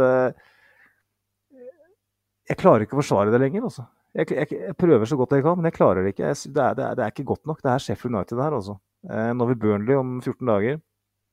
Eh, jeg tenker liksom at man, man, er på den såkalte last chance saloon eh, med å være et Og så har jo Teta egentlig vist oss hva han Altså at han er litt enig. Eh, han, han starter jo ikke de store kampene i den rollen lenger. Det, er, det begynner å bli en ganske god stund siden han starta en mot kvalifisert motstand i, i, i midtbaneleddet. Så fortell meg gjerne, Andreas, hvorfor Kai Havertz eh, Hva er det som gjør at Kai Havertz Hvilke ferdigheter han har som gjør at han kan plutselig blomstre i denne rollen? Nei, der er det jo egentlig bare Tete som kan svare godt, da. Um, jeg syns jo det forteller oss mye at han starta i lag Smith Roe imot Sheffield United. Eh, og at Ødegaard eh, Ja, de sier han har eh, hofteproblemer i det hele tatt, men um, kanskje for mye hoftesving i lag med fruen på, på fritida. Det, det, er ikke godt å si, men, uh, men samtidig hadde det her vært en, en, litt tøffere kamp, så hadde Ødegaard starta. Um, da hadde antageligvis ingen av de to som starta offensivt på midten vår, hadde starta. Og det der at begge de to får en start i lag med Eh, for det her er en kamp der Ariteta tenker her skal vi ha så god kontroll. Og her er min sjanse til å spille inn de som fortjener sjansen, på en måte. Um, og så er nok kanskje det casen litt mer med Smith-Roe og Kivior enn med, med Havertz, for Havertz har på mange måter fått sjansen. Men, men um, håpet for Ariteta måtte jo være at her skal han få det. Her skal han få spillemålet sitt, f.eks. Um, og, og, her må vi på en måte se mer ifra han. Um, og så ender opp med enda mer på en måte frustrasjon eh, over, over mest Altså, det er Skuffa, ja, men, men mest frustrert, altså. Eh, for det her var så på, på måte på sølvfatet til, til Kai Havertz at, at her, det her kampen her, eh, har du muligheten til å på en måte få det, få løsna det, da. Få ut den proppen. Få høl på den her byllen der. For at eh, det er jo helt tydelig at det straffemålet han fikk, det hjelper ikke veldig mye. Eh, og, og, kanskje er det det der at ja, det var et straffemål, det er fint å ha et mål, liksom, men, men det var nå tross alt på en straffe. Um, så, så, det er det der å få han i gang ordentlig eh, i spill, og ikke minst med et spillemål, eh, som, som, mangler. En, en, fin assist, et fint spillemål, et eller annet. Det er det han har mangla. Det er sjøltillit eh, mer enn noe annet, tipper jeg. For spilleren er jo der. Vi har sett uh, klippene fra Tyskland der, der, han var unplayable en stund. Uh, vi, vi, har sett uh, glimtvis i Chelsea. Det er ikke sånn at han var, han var helt 100% ræva i tre år, for da er du ikke i Chelsea i tre år. Men, men, det var noe så enkelt som at for det første hadde ikke noen annen spiss, og for det, for det andre så, så, var det noe bare sånn det, det ble, på en måte. Men, men det der å føle at at her gir Teta deg på en måte en, en gratiskamp på sølvfat, og så får du så lite ut av det. Eh, så ja, frustrasjon mer enn en skuffelse, eh, egentlig. For ja, eh, som du sier, Magnus, nå, nå, må det begynne å skje noe snart. Eh, vi, vi, kan ikke vente på han så lenge. Um, du har noe mer du vil si om det her? Du løfter opp handa som, som en lydig skolegutt. med én elev i, i, eh, i, klasserommet ditt, Andreas, så rekker jeg likevel opp hånda. Så det eplet som ligger der, det må du gjerne spise. Jeg jeg har øh, lyst til å bare si det at øh, For jeg følte at jeg tok litt av i min kritikk her. Øh, litt spennende at han spiller på høyresida. Uh, fordi at nå har det vært mye prat den siste tiden om balansen i, i midtbaneleddet vårt. Og det at man har både Saka og Ødegaard på høyresida, som begge er veldig kreative. Eh, åpenbart fristende for motstanderen å stenge av det. Eh, linken mellom Ødegaard og Saka, den som var så god, den er ikke-eksisterende i mine øyne. Den, den, har vi ikke sett i det hele tatt denne sesongen her. Eh, og så har vi snakka mye om at kanskje er det Thomas Party fraværet. Jeg tror det absolutt er en faktor, men jeg tror også at eh, at det kunne vært spennende å kjørt en annen type i den, i den rollen. Eh, for meg så var det helt naturlig at eh, Havertz, hvis han skulle starte på midten, Eh, og at Smith-Roe skulle starte i tillegg, så, så, måtte det være sånn at Havertz starta på høyre. Og at Smith-Roe starta på venstre. Selv om jeg liker Linkens eh, av Smith-Roe, så tenker jeg en Smith-Roe som har litt mer det overblikket og litt mer eh, eh, ja, altså Jeg ser for meg at han kan spille Martinelli god. da. Eh, så ser jeg også for meg at Havertz kan ta litt mindre plass på sett og vis inn sentralt. Og gå um, vandre mer utvendig og gi Saka mer rom innvendig. og Det syns jeg vi så. Det var vel et heatmap som Sivert sendte til oss på, på chatten, som viste at uh, Saka sitt heatmap var kanskje enda mer sentralt enn det vi pleier å se. Uh, så det er spennende, og det er kanskje uh, Og, og kan, kanskje kan Havertz da være et, en spiller som kan funke på motsatt side, da, hvis man har Ødegaard. Hvis man ser for seg at Ødegaard spiller dypere på, motsatt, på venstresida. Det, det, er det er en tanke som mange har lansert, og som det har gått så langt nå, syns jeg, med balansen. Eh, det har vært såpass mange kamper nå hvor det ikke har funka at eh, eh, jeg føler ikke at det er så mange argumenter for å fortsette å, å prøve på det. Eh, jeg er spent på hva man gjør der også. Jeg, jeg har jo vært litt der at Ødegaard er pressleder. Han som stuper i press, han som leder presset. Litt skummelt å skulle trekke han ned i, i banen. Men vi har ved å hente Havertz, eh, ved å miste Sjaka, så er vi en mann short, syns jeg, altså, eh, på midten der. Eh, kanskje, med, kanskje, kan Party og Declan Rice spille sammen, men jeg, jeg, jeg, regner ikke med Party lenger. Jeg beklager. Jeg litt ferdig nå etter den siste skaden. Nå, nå, skjer det igjen. Liksom. Det er andre gangen denne sesongen her allerede, og vi er bare i oktober. Eh, sånn at jeg savner en mer ballsikker eh, type En som kan spille i lommene da, på venstresida. Jeg føler ikke at vi har noen akkurat nå. Og med Saka, som er såpass dyktig i de fasene på motsatt side, så kanskje man flytter Ødegaard motsatt for å få balanse. Jeg vet ikke. Eh, jeg er ikke så taktisk sterk at jeg kan påstå noe, men eh, det er en sånn tanke som mange har lansert, og som jeg blir mer og mer fysen på sjøl. Jeg vet ikke hva du tenker? Jo, jeg, jeg tenker jo at uh, du har flere gode poenger her, Magnus. Um, som du sier, vi er kommet såpass langt nå at nå må vi på en måte vi må gjøre et eller annet for å prøve å røkke litt opp i det. For det er jo helt tydelig at det ikke fungerer sånn som det er, verken for Ødegaard på høyre eller uh, Havertz på venstre. Kanskje å bytte om er, er svaret. Um, jeg hadde jo håpa at vi skulle få se Party inn igjen for å, for å se om det gjorde noe for høyresida vår. Um, og så er det jo sånn som det bruker, et par kamper for Ghana og så skader for Arsenal i, i et halvt år, sikkert. Det, det er jo Ja, som deg så begynner jeg å bli ganske, ganske mett av den partykarrieren. Hadde vi kunnet vært i sommer eh, hvem vi skulle sende og hvem vi skulle beholde, med det vi vet nå, så hadde det vært Det hadde, som Sivert sier, sjaka ti av ti dager i uka. Eh, Sivert har, eh, har, ti dager i uka. Han hadde i hvert fall det i forrige episode. Um, så det er ikke rart at han, eh, han er med på mye rart.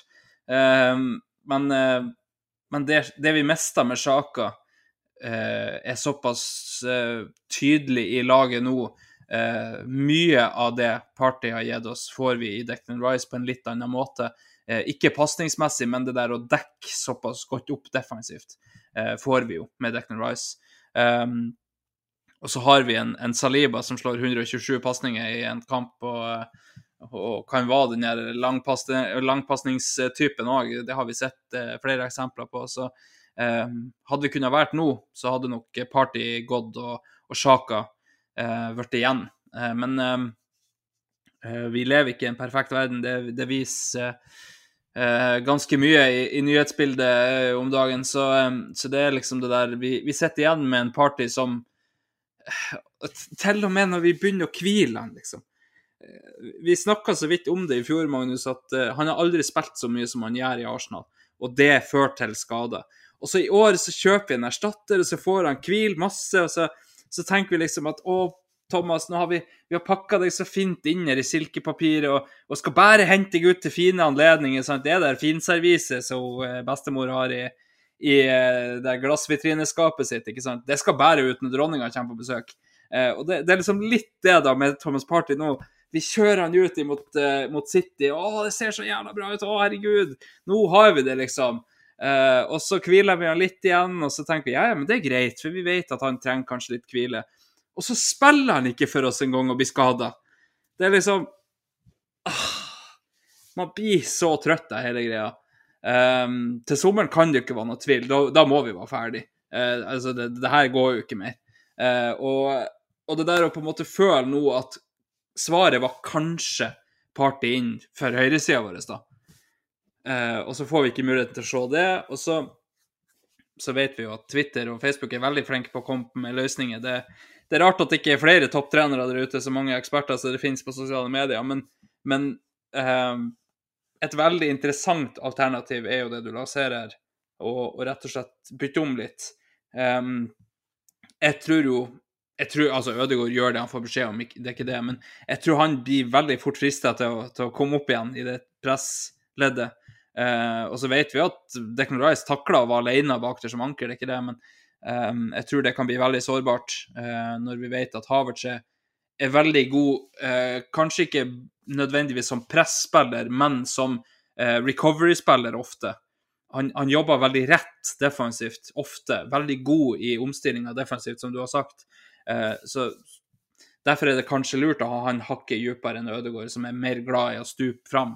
Um, men å bytte side på de, og kanskje heller da bytte altså Havertz du skal fortsatt være litt mer defensiv, men nå på høyresida. Se om det hjelper å få noen andre folk rundt han. Hvem vet? Eh, Ødegaard tror jeg er såpass god at han kan spille overalt. Det viser han. Altså, han vandrer jo mye, så han viser jo for så vidt det. Men eh, veldig interessant å, å se. Um, nå har vi jo eh, prata mye. Ja, du har uh, en, en, kommentar til deg, Magnus, før vi går videre? Ja, vi skal prate mer, vi, Andreas. Uh, Forhåpentligvis bare 17 minutter til. Uh, jeg har, må jo si at det er, det er en faktor, det med Zinchenko. Um, hvis Ødegaard skal ligge dypere på venstresida, så uh, jeg, jeg tenker kanskje Kanskje ikke dypere.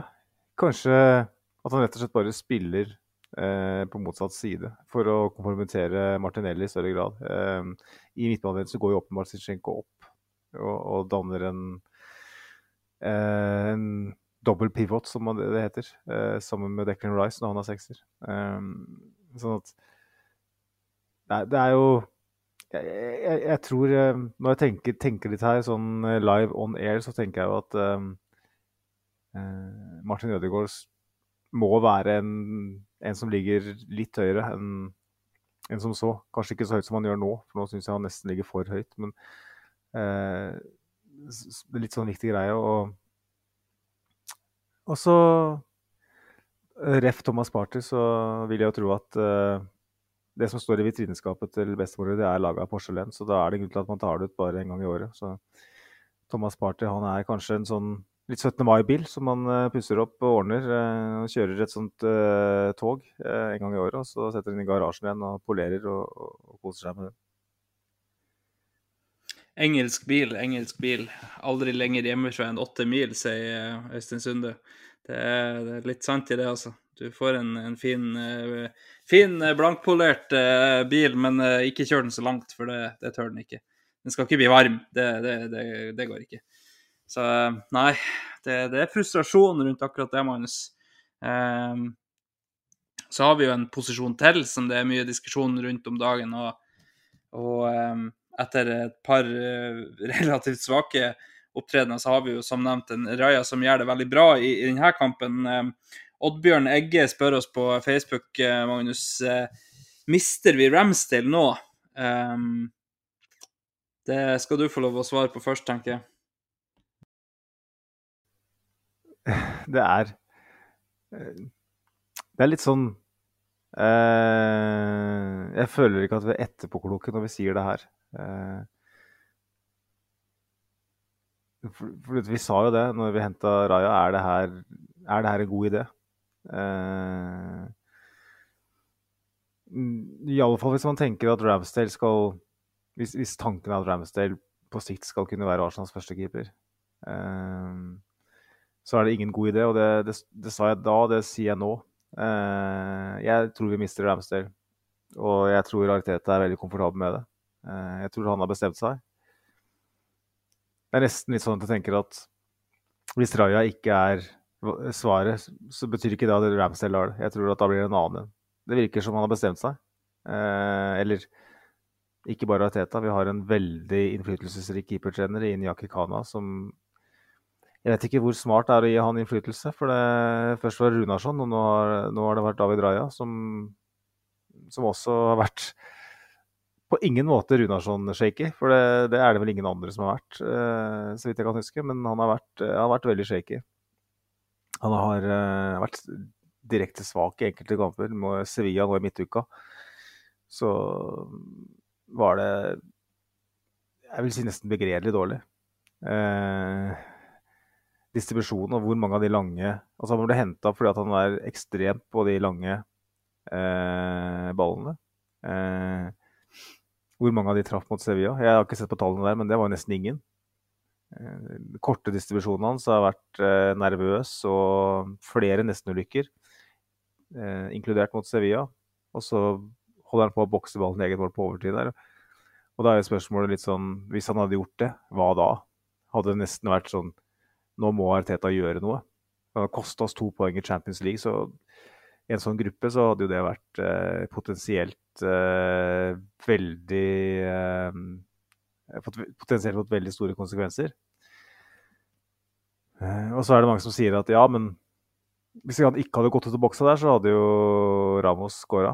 Eh, eller hvem det var som sto der. Men det er på en måte ikke unnskyldning nok, da. Jeg tenker at en god keeper skal være der. Og en god keeper skal ikke bokse en eget mål. Og det har vært såpass mange situasjoner nå at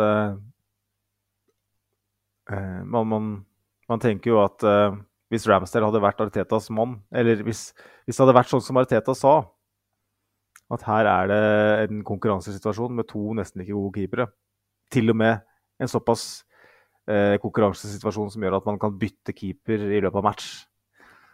Eh, det føles som svada i, mine, i min bok. Eh, og det føles mye mer svada nå enn det gjorde. Eh, det virker for meg som Ramsdale ikke har lystra i så stor grad som Arteta ønsker. Det, det, han sa i intervjuet etter uh, Var det City-kampen han sa det? Eh, hvor han sier at liksom når, når, Raja spiller seg inn i trøbbel med å, å stå og tråkke på ball, så, så, forsvarer Arteta med å si at eh, det er nettopp det jeg ønsker. Skal du skylde på noen, så skyld på meg, for jeg har bedt han om å gjøre det. vi har hatt andre keep, keepere som bare har kalka han langt, og det går ikke an sier, sier han, ikke sant? Sånn grovt oversatt. Og hvor mange keepere har stått for Arsenal egentlig under Arteta? Det er, er det Leno, Ramsdale, Martinez en liten periode. Eh, så det var jo åpenbart eh, lite stikk til eh, andre Ramsdale. Som vi opplevde i løpet av fjorårssesongen, at kanskje eh, Ikke bare kanskje, han litt for ofte så bare banka han eh, ballen ut når det, når det kokte litt. Og da endte det i Holdini-boksen. ikke sant? At man, man sto og forsvarte, for man, man, klarte ikke å spille seg ut. Eh, så det virker altså Arteta er ekstremt kompromissløs, da. Og eh, det er det her vi må på en måte venne oss til da, som supportere av en toppklubb. At det er ingen som har eh, klippekort i det laget der. Det er ingen som ved å være en kul type og ha en karakter som smitter og som har gjort noe. Altså ved å være en Smith Rowe som har snudd skuta som var på vei ned i dragsuget eh, mot Chelsea og, og løfte Arsenal. Det betyr ikke at du er rett mann to år senere. At Ramsdale var rett mann da han kom inn, og var rett mann i fjor og var en veldig viktig bestanddel i det å skape en link mellom supporterne og klubben og, og spillerne, og det, det, å virkelig bygge noe, eh, det betyr ikke at han er rett mann nå. Og det virker for meg som at er, den avgjørelsen er tatt. Så vi kommer til å miste Ramsdale, det, det, er jeg ganske sikker på. Ja, eh, det som er så eh, Du, du nevner jo at vi har en relativt uh, innflytelsesrik uh, keepertrener, og, og, nevner jo Runarsson. Uh, til og med Giroud har jo vist seg som en bedre keeper enn Runarsson. Så um, det er jo ikke, det er ikke tvil om at, at, det var en, en tabbe å signere han. Men um, det som er så frustrerende, er at Ramsdale er så ung ennå til keepere. var at jeg tror han kunne ha lært det der. Altså, han, han kunne absolutt ha utvikla seg dit Ariteta ville. Og han var absolutt bra nok i mellomtida til å stå, det er ikke det. Uh, men, men, det viser jo, som du sier, hvor kompromissløs Ariteta er. Det tipper jeg er noe han har lært av Pep. Pep kasta ut verdens beste venstreback i fjor, han. Sender han til Bayern. Eh, det, det, for at eh, Nei, han var uenig med meg, og da Sorry, Mac, men da kan vi faktisk gjøre det bedre. Eh, med Ake og Akanji og i det hele tatt som venstreback. Han kjøper en av verdens beste stoppertalenter, bruker han som venstreback i år. Det, og det, det, viser bare at når, når, du kan på en måte være så kompromissløs og, likevel få det til, og, eh, så er det kanskje noe av grunnen til at du får det til. Um, du, du, kan ikke kan ikke tenke at det her er bra nok. Eh, og jeg tror at Teta aldri kommer til å tenke at det her er bra nok. Eh, han, han, kommer til å ville ha det perfekt. Og når Ramsdale da helt tydelig har irritert han ofte med det der å, å slå langt, eh, så henter han inn en som gjør noe annet. Ja, Raja er veldig god på de lange, men det som i hovedsak er mye bedre med han, er jo der roen og, og den korte distribusjonen. Det der at han han, han, skal liksom kunne holde ja, holde roen rett og slett nok til å dra på seg folk og så spille unna. Litt sånn Thomas, Thomas Party-esk. Eh, vent til du får mannen på deg, for da er det rom en annen plass eh, å, å, spille. Um, og altså Jeg skal ikke si at Raja er det verste jeg har sett i en Arsenal-drakt, for det er langt, langt, langt unna. Um, men eh, han snitta jo på én svær tabbe per kamp. Eh, og det, altså, det går ikke i i toppen av Premier League. Eh, så, så, enkelt er bare det. Når han da i tillegg ser shaky ut med, med, med involveringen sine ellers, eh, de lange imot Sevilla jeg, jeg, Som du ser, jeg kan ikke huske en eneste som traff. Eh, så retta han jo litt på det mot Brentford, men samtidig det Brent, nei, Brentford er Sheffield United. Eh, og det er Sheffield United. Altså, eh, de hadde to skudd hele kampen. Han, han blir ikke testa. Eh, det jeg syns vi ser imot, imot Chelsea mot Sevilla Gang på gang så ser vi det der eh, Mudrik sier jo det etter kampen at det var med meninga, bla, bla, bla. Vi, vi har prata om at han står eh, på første stolpe i det hele tatt. Og jeg tenkte først at det, det er i hvert fall piss. Jeg, jeg, tror ikke han prøver på akkurat det han gjør, men, men det er nok ikke piss at de har prata om det, for det så jeg mot Sevilla òg. Når ballen kommer ut på sida der, så står han framfor første stolpe og venter på innlegget, for han skal ta innlegget. Problemet da det er hvis de slår et bra nok innlegg, så detter den ned bak deg, og så er målet åpent. Eh, og Mudrik er heldig og treffer skjevt, og, og, da er målet åpent bak Raja. Men eh, sånne ting må vi òg luke av Raja. Vi kan ikke si at eh, ja, men eh, han gjør alt annet så bra at da er det der greit. For da kan du se det samme om Ramsdale, da. Ja, men han redda faktisk ganske mange poeng for oss i fjor. Altså, han gjør keeperarbeidet såpass bra at det er greit at han slår langt av og til. Eh, så du må på en måte eh, Raja er ikke perfekt, han heller. Og, og um, som du ser, Magnus, det, det, er ikke snakk om at det er fair konkurranse. For da hadde jo Ramster stått en eller annen kamp nå, mot Sevilla f.eks., eh, for å få sjansen. Jeg er veldig spent på eh, onsdag mot Westham. Det er en drittcup som vi egentlig ikke er så veldig interessert i. Der burde Ramster starte, men det er faken ikke sikkert at han gjør det for det. Um, kan hende at Teta tenker at her skal vi ha kontinuitet i det, så da spiller vi med, med Raja der òg. Um, ehm, og når vi nå prater om den kampen der, da, så, så har vi fått et innspill til på Facebook eh, fra Erik Petter som sier at 5-0, det er helt nydelig. Eh, får hvilt mange, noe som er positivt. Håper man hviler enda flere mot Westham.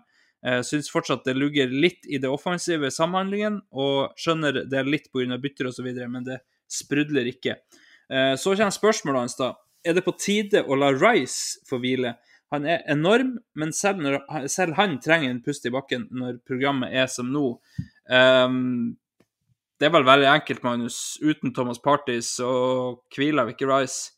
Uh, Jorginho alene på midtbanen med to offensive framfor seg, det tror jeg blir litt for tøft. Kanskje ikke akkurat mot Westham, men i hvert fall videre. Uh, og så har jo Rice vist både i Westham og, og så langt nå at han ja, der Thomas Party er lagd av porselen, så er jo Rice lagd av titanium. Det, det går ikke an å ødelegge den mannen.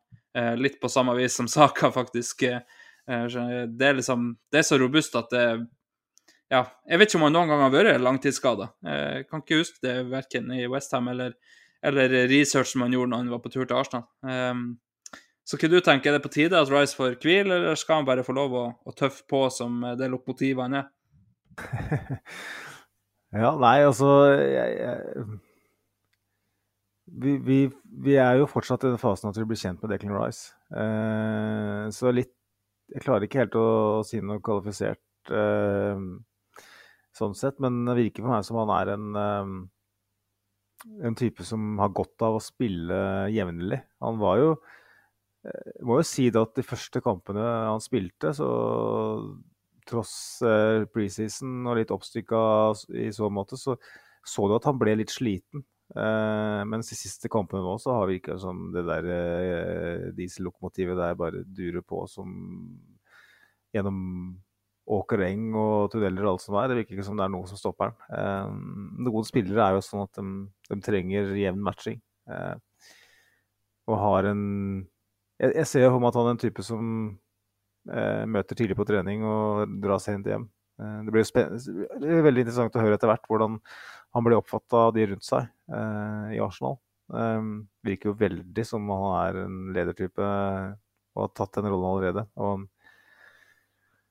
han skal jo åpenbart ikke spille mot Westham, spør du meg, i midtuka nå. Vi har Newcastle på St. James' Park, som er Der blir han nesten den viktigste spilleren vår. Og gi han gjerne denne uka.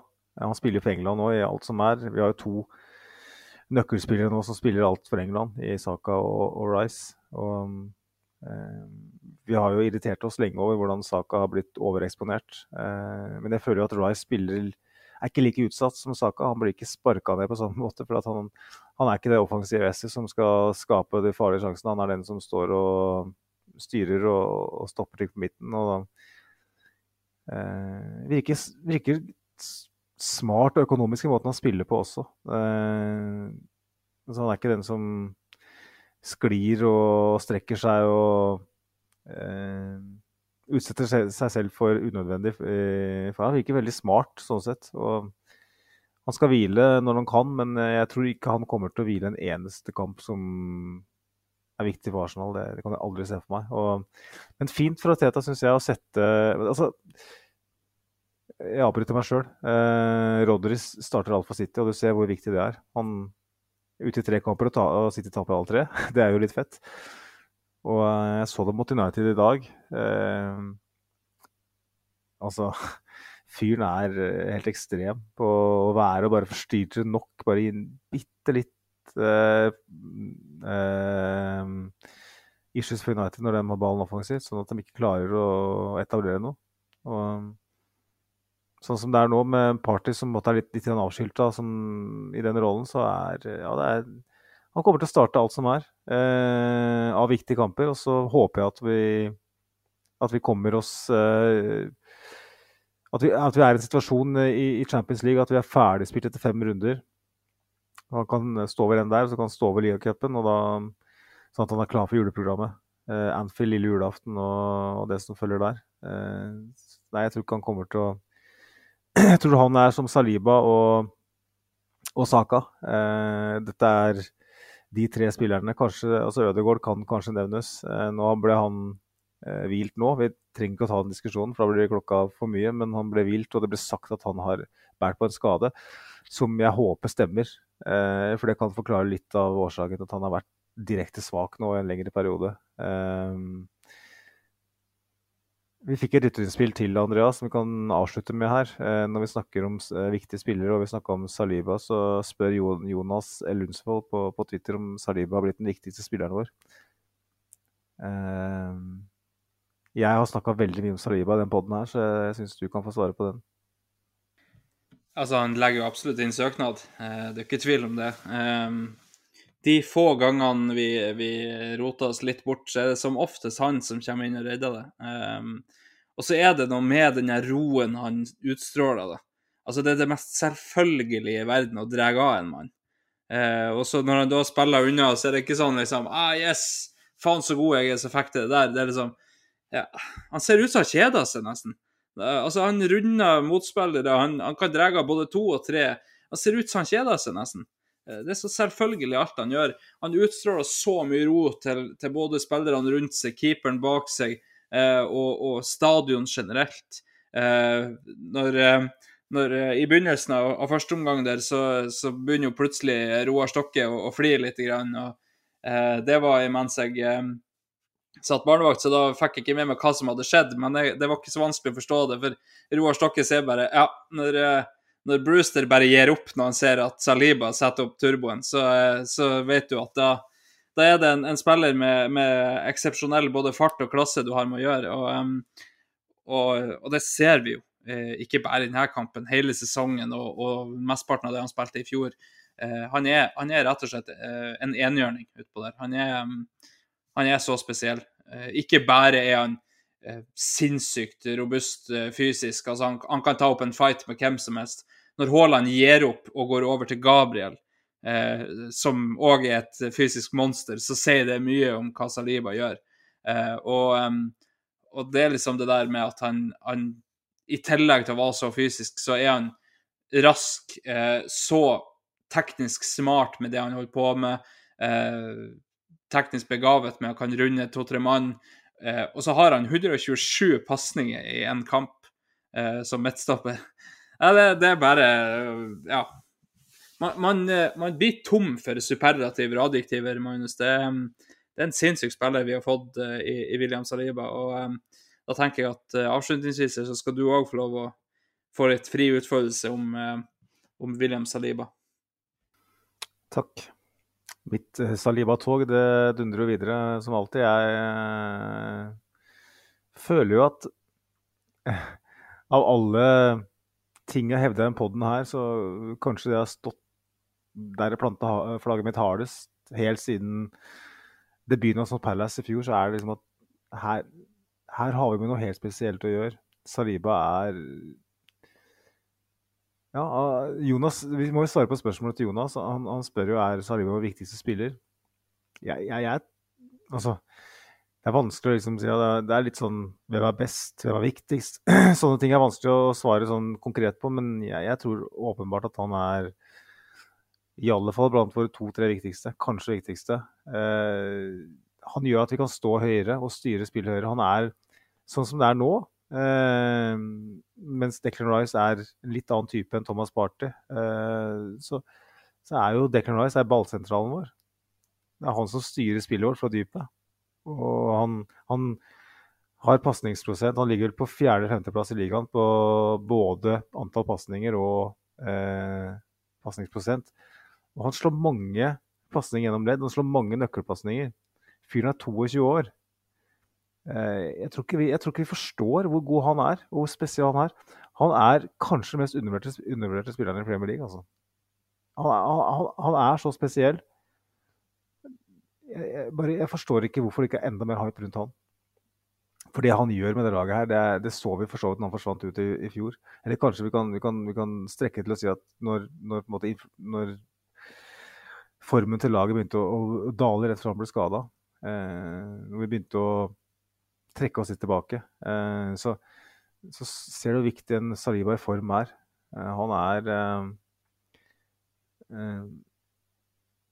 Han og Declan Rice er for meg liksom de to pilarene som den byggverket her skal reises på. Det er to spillere, når vi tenker tilbake til Hvis vi ser i recent history Hvordan City bygde sin eh, sitt slott på, var jo med en Company og en Yaya Toré, for å ta de, liksom, de dypeste, store spillerne. Chelsea hadde man eh, John Terry og Frank Lampard. Eh, I Liverpool hadde man uh, van Dijk og si Fabinho. Eh, man trenger de pilarene dypt og må ha det. Hvis du ikke har det, så har du ikke sjans. Og det viser at hvis man først har det, og så klarer å bygge videre fra det, så, så er man der, da. Arsenal har de to spillerne de har de to pilarene i eh, Saliba og Rice som gjør at det er nesten utilgivelig hvis vi ikke tar de rette avgjørelsene nå. For at begge to er enhjørninger. Jeg mener Saliba er den beste stopperen i Premier League. Jeg mener Rice er den nest beste uh, sekseren i Premier League bak, uh, bak Rodry. Uh, klarer vi å bygge på toppen av det Vi har jo Saka i tillegg, som er også en enhjørning. Uh, ikke sant? Sånn at de to spillerne er helt spesielle de må vi, vi må forvalte de ferdighetene og den alderen de er i. Saka, nei, Saliba er 22, Rice er 25, 4-25, 26 kanskje. At de ikke vet, er jo direkte flaut. Så det skal jeg google, som det siste jeg gjør i poden i dag. Declan Rice, er han ikke han 25 rundt det? 24, Han er 24, han. Han blir 25 i januar. Så ikke sant? Han har ti år foran seg, han. Saliba har 12-13-14 eh, år foran seg. Og de neste sju-åtte årene er peaken til begge to, sannsynligvis. Eh, det må vi ta vare på. Det må vi utnytte. Fordi at du kan bruke 30 år på å finne to spillere som er så spesielle i sine posisjoner igjen. Nå ble jeg litt ja, ja. Eh, nå, nå, snakker ølen litt mye her, men jeg blir litt Nå tar det av på meg. Nei, men det, det er egentlig eh, veldig greit oppsummert. Eh, vi har enhjørninger til i, i, nesten alle ledd, eh, vil jeg si. Uh, du kan jo kalle Martin Ødegaard en enhjørning, uh, men ikke i like stor grad som de to vi har prata om. Saka har potensial til å være verdens beste ving, uten tvil. Han er såpass god at han kunne spille i, i alle posisjoner offensivt omtrent. Og, og, det råtalentet der er så ekstremt. Martinelli òg er oppe der. Men, men, som du sier, de to der At Saliba bare er 22 Altså, du, du tenker jo ikke på det når du ser han. Når du ser han, så tenker du det her er det, Altså, du tenker jo Tiago Silva, ikke sant. 55 år og, og spiller, um, spiller, fotball hele sitt liv og, og vært med på absolutt alt du kan være med på. Det er jo det du ser på når du ser på Saliba. Du ser en spiller som Det er ikke nøye hva du slår han i trynet med, for han, han har et svar på det. Uh, det, det, er bare helt sinnssykt å, å se han spille fotball. Det, um, ja, det er gøy, og jeg er glad for at jeg er blitt såpass, eh, såpass eh, moden i måten jeg ser fotball på, at jeg setter pris på forsvarsspill. det gjorde jeg ikke når jeg begynte å se fotball. Da var det bare de her tekniske vingene og, og fantastiske midtbanespillerne. Det var det jeg så på. Forsvarsspillerne kom liksom litt i andre rekke bak den.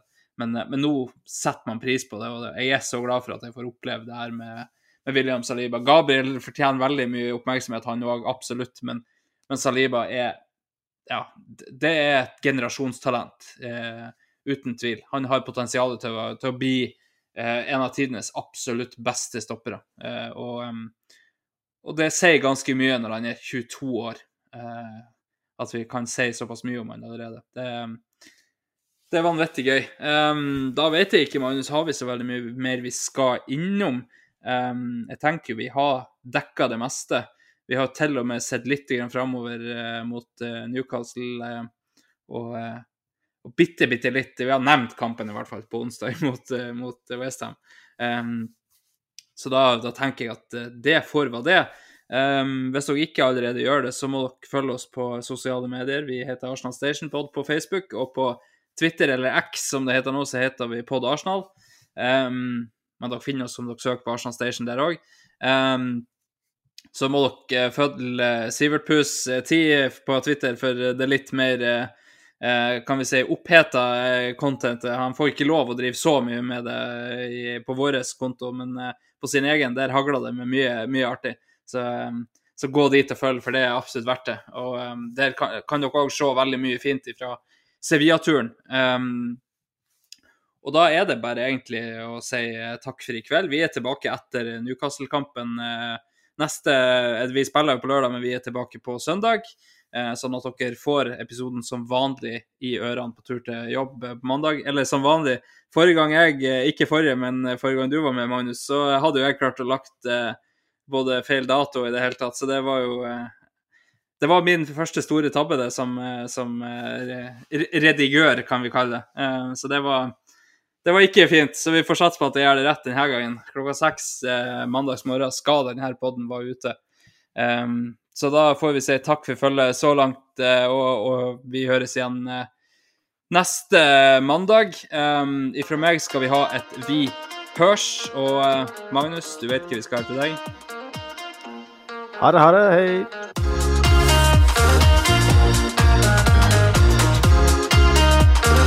This train terminates here.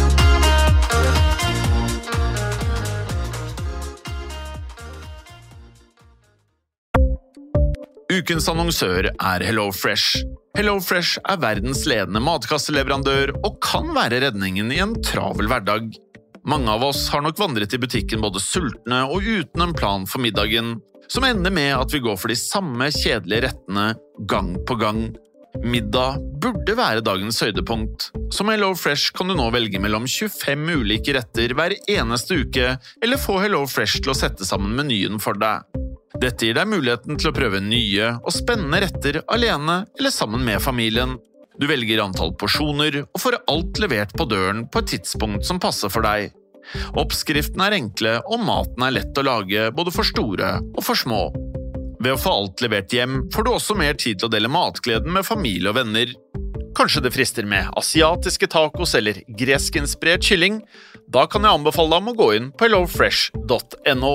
Her kan du bruke koden FOTBALL og få opptil 1779 kroner i rabatt på de første fem matkastene hvis du ikke har prøvd Hello Fresh tidligere. Du kan også bruke rabatten hvis du har vært kunde og stoppet abonnementet ditt for tolv måneder siden eller lengre. Gå inn på hellofresh.no og bruk koden FOTBALL.